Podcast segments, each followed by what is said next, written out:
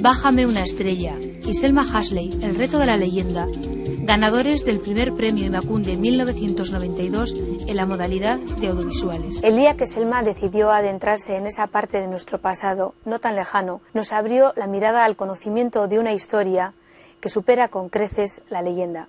Selma Hasley ha dedicado muchos de sus años para desentrañar, con fechas y datos minuciosamente analizados, la crónica de los balleneros vascos en Terranova y el Labrador durante los siglos XVI y XVII. Si terriblemente dura fue la vida de estos marinos, también fue dura la lucha de esta mujer para proseguir con sus investigaciones.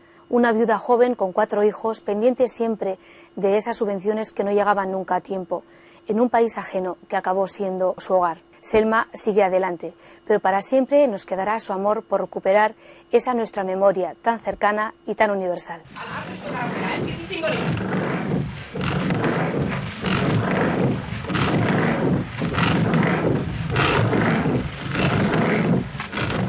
Sí, también es una aventura trasladar tu vida por la existencia ajena emplazada cuatro siglos atrás en el pasado. Zabullirse en la huella humana y trabajadora de unos seres que dejaron su piel tras otro rastro poderoso, el de las ballenas. Selma Hasley nos descubre el rostro de una historiadora que va dejando tras de sí una lucha continua con los miles de legajos que han ido entretejiendo una parcela de nuestra memoria histórica. El crecimiento de una industria ballenera, admiración de esta mujer que vino allí de los mares para abrirnos suave pero firmemente las puertas de ese testimonio nuestro tan cercano y tan universal.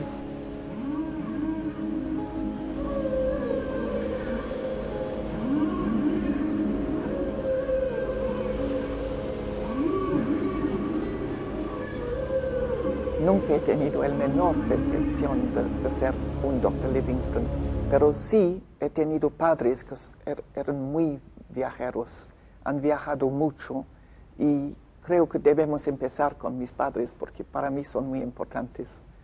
Y mi madre era más bien canadiense, medio canadiense por lo menos, franco-canadiense de Quebec.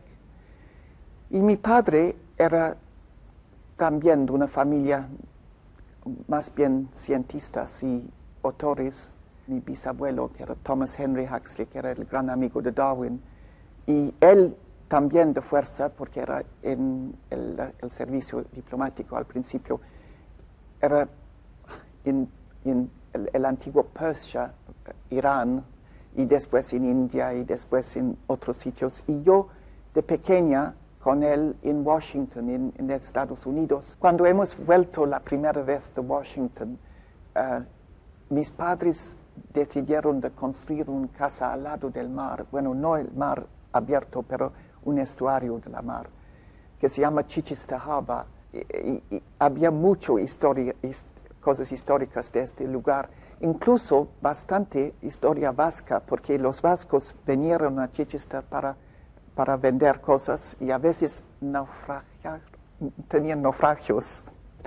Y tengo vergüenza de decir que los, los buenos gente de Chichester salieron y captaron a los vascos y a sus cosas y, y, nada de amables en tiempos medievales, nada de amables.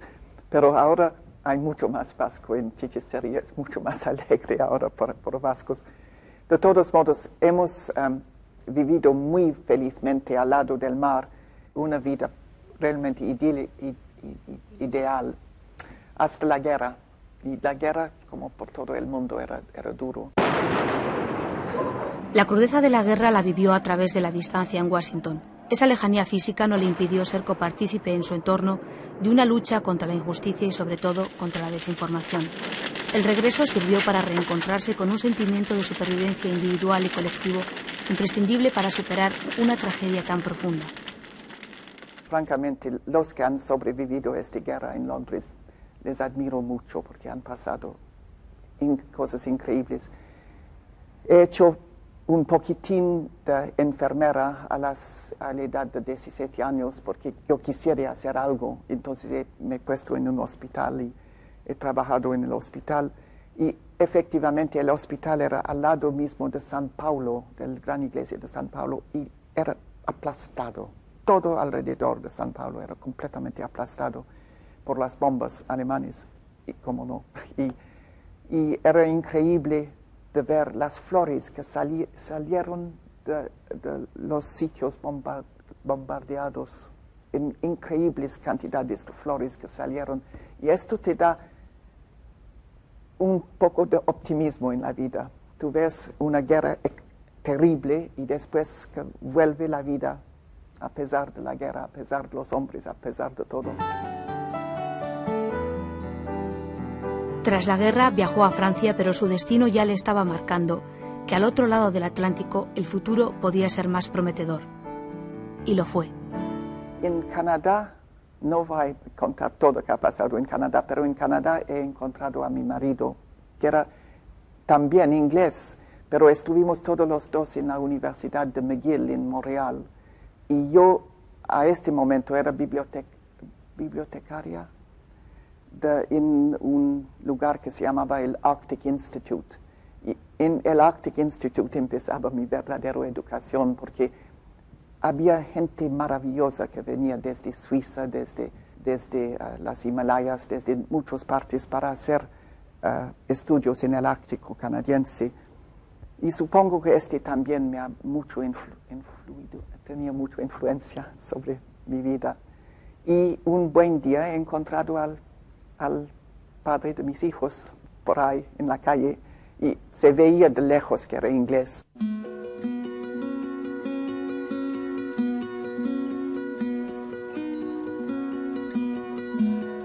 La construcción de una familia fue pareja a la de su propio hogar en Gatineau. Tomás, Oriana, Michael y Serena pasaron a ser en poco tiempo el centro de una historia de amor compartido y comprometido.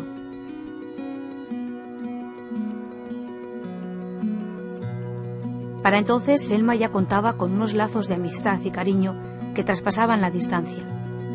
Su marido Brian había visitado ya en diversas ocasiones el País Vasco.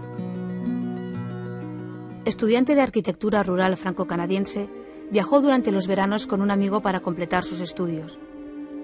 La posibilidad de recorrer parajes para ellos desconocidos, apreciar un tipo de construcciones sin alterar por el paso del tiempo, descubrir pequeños emplazamientos y encariñarse para siempre con esta tierra tuvo mucho que ver con el encuentro fortuito y afortunado de los dos jóvenes ingleses con Pío y Ángeles de Montoya. Fui yo el que fui yo el que intervine, porque claro, yo veía que andaban dos chicos en motocicleta por la calle y uno de los días pues me dio la sorpresa de decir, pero tenemos que saber a ver quiénes son.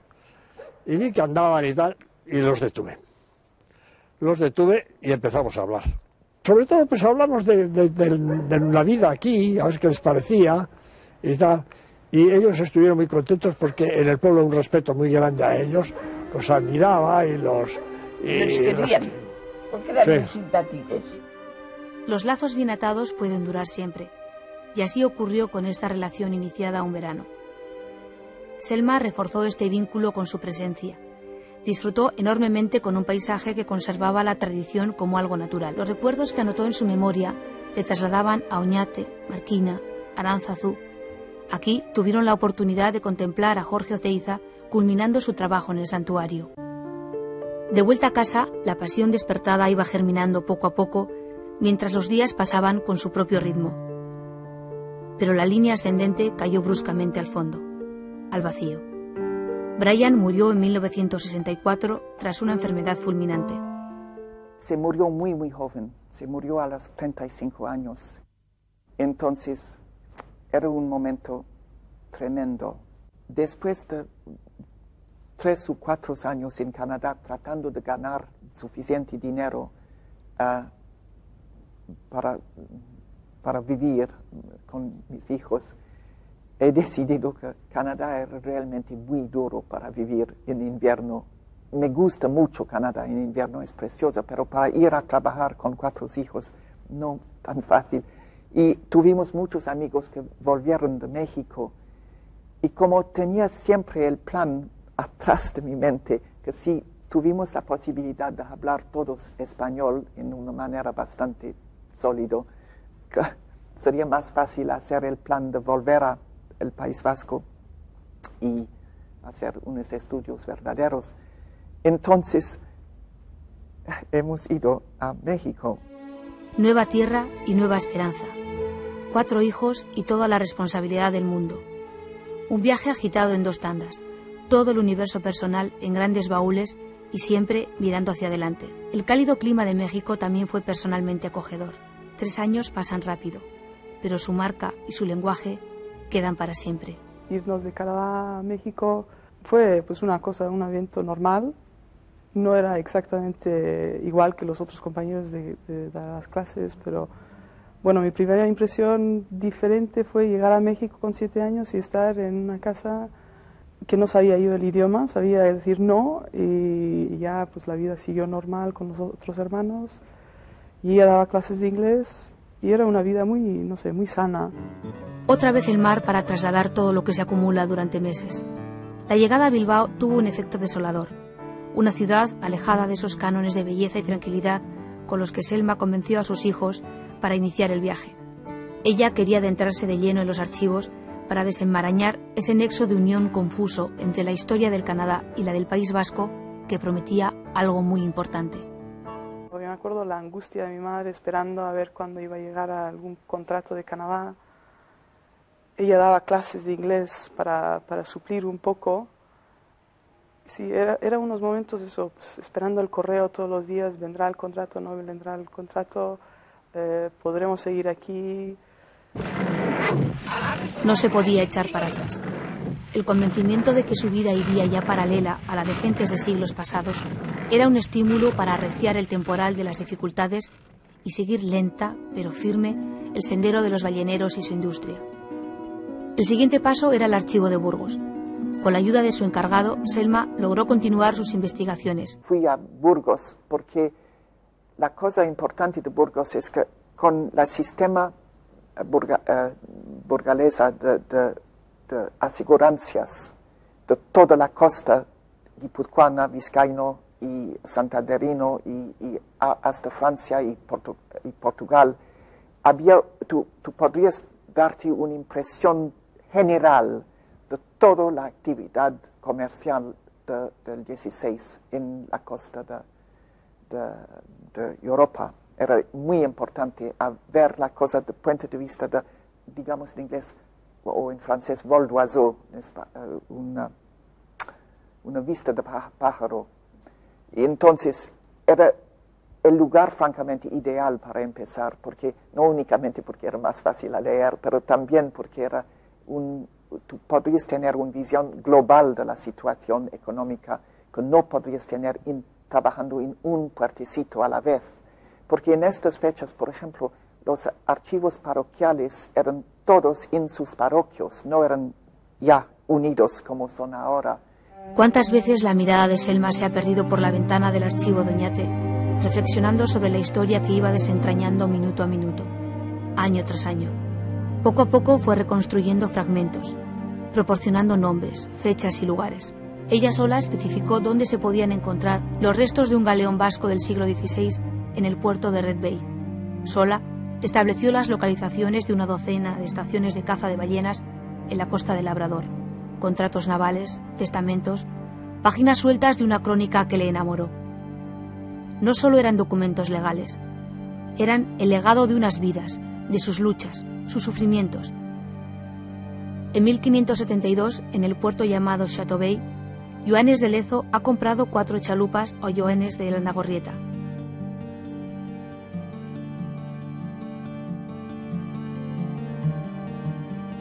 Un testamento escrito el 24 de diciembre de 1584 en el puerto de Bretón habla sobre la pesca de ballenas. El duro trabajo no tenía fecha ni horario. Otro testamento de 1632 nos sitúa en el paraje de la isla de San Jorge.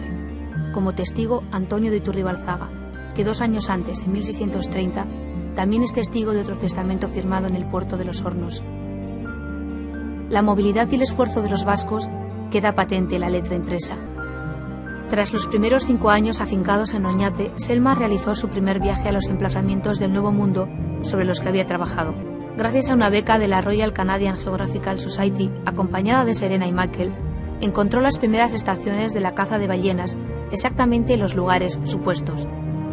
En las playas había tejas que los vascos habían trasladado en sus viajes para las construcciones que realizaban en tierra. Gracias a este recorrido de la costa hemos encontrado los primeros tejas vascas. Y eh, la cosa increíble es que ahora tenemos una cantidad de documentos por todos estos lugares, incluso documentos que dicen, he traído 6.000 tejas en el barco, eh, eh, tenemos constancia que hay tejas siempre que van en estos barcos, porque los vascos trabajaban en tierra, en no en Terranova, en Labrador, durante la mitad del invierno hasta enero a veces. Y esto es muy duro porque tú puedes imaginar el frío, todo helado alrededor y muy, muy frío.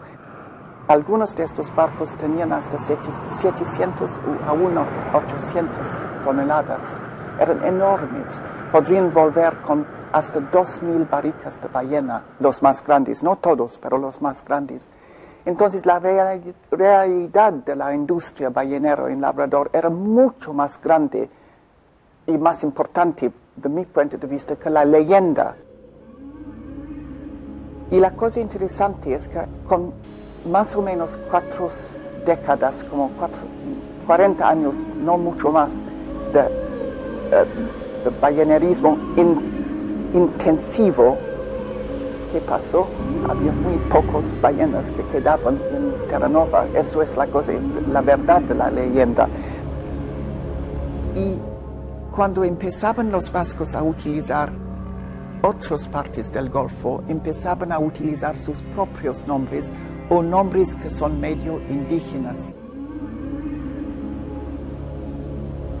La realidad de lo que han hecho los vascos para mí es mucho más interesante que la leyenda de precolombiano, etcétera, etcétera. el hecho que había vascos en esta parte del mundo por 200 años con muy buenas relaciones con las indígenas para mí es estupendo porque en muchas partes de América no había este tipo de relación amical con indígenas. En el camino quedaron restos hoy descubiertos en la toponimia de Terranova.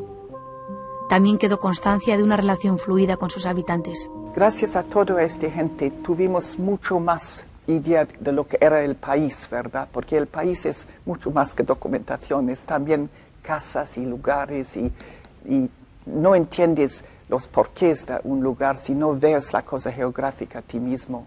Esa relación física que traspasó continentes peligra ahora en los sitios donde vivieron esos marineros que dejaron su vida en el desarrollo de un comercio floreciente. En Orio, tres casas que databan del siglo XVI son un montón de escombros. Olvidado la memoria, quedarán sus dinteles y sus pequeñas ventanas que guardaban la humilde existencia de unos trabajadores.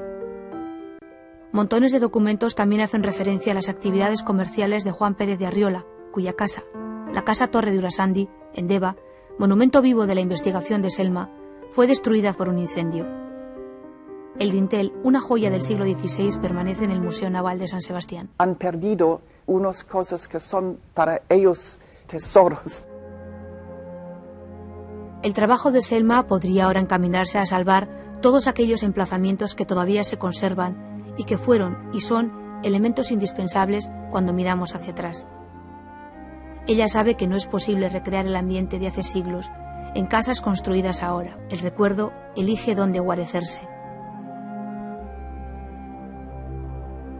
Selma también supo que su trabajo debía tener un lugar donde podríamos acudir para aprender y admirar. Hace años realizó otro viaje en barco utilizando solo rutas del siglo XVI y así completar sus investigaciones. Por fin, en 1987 vio la luz su trabajo, Los vascos en el marco atlántico norte siglos XVI y XVII, en el tercer volumen de Ichasoa.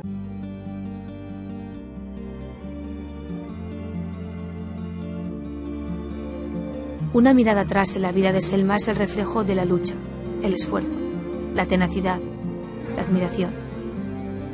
Ese amor que ella profesa por su trabajo de investigación es un camino abierto para zambullirse en ese pasado no tan lejano que nos descubre la universalidad de la aventura, del riesgo, del mirar siempre adelante.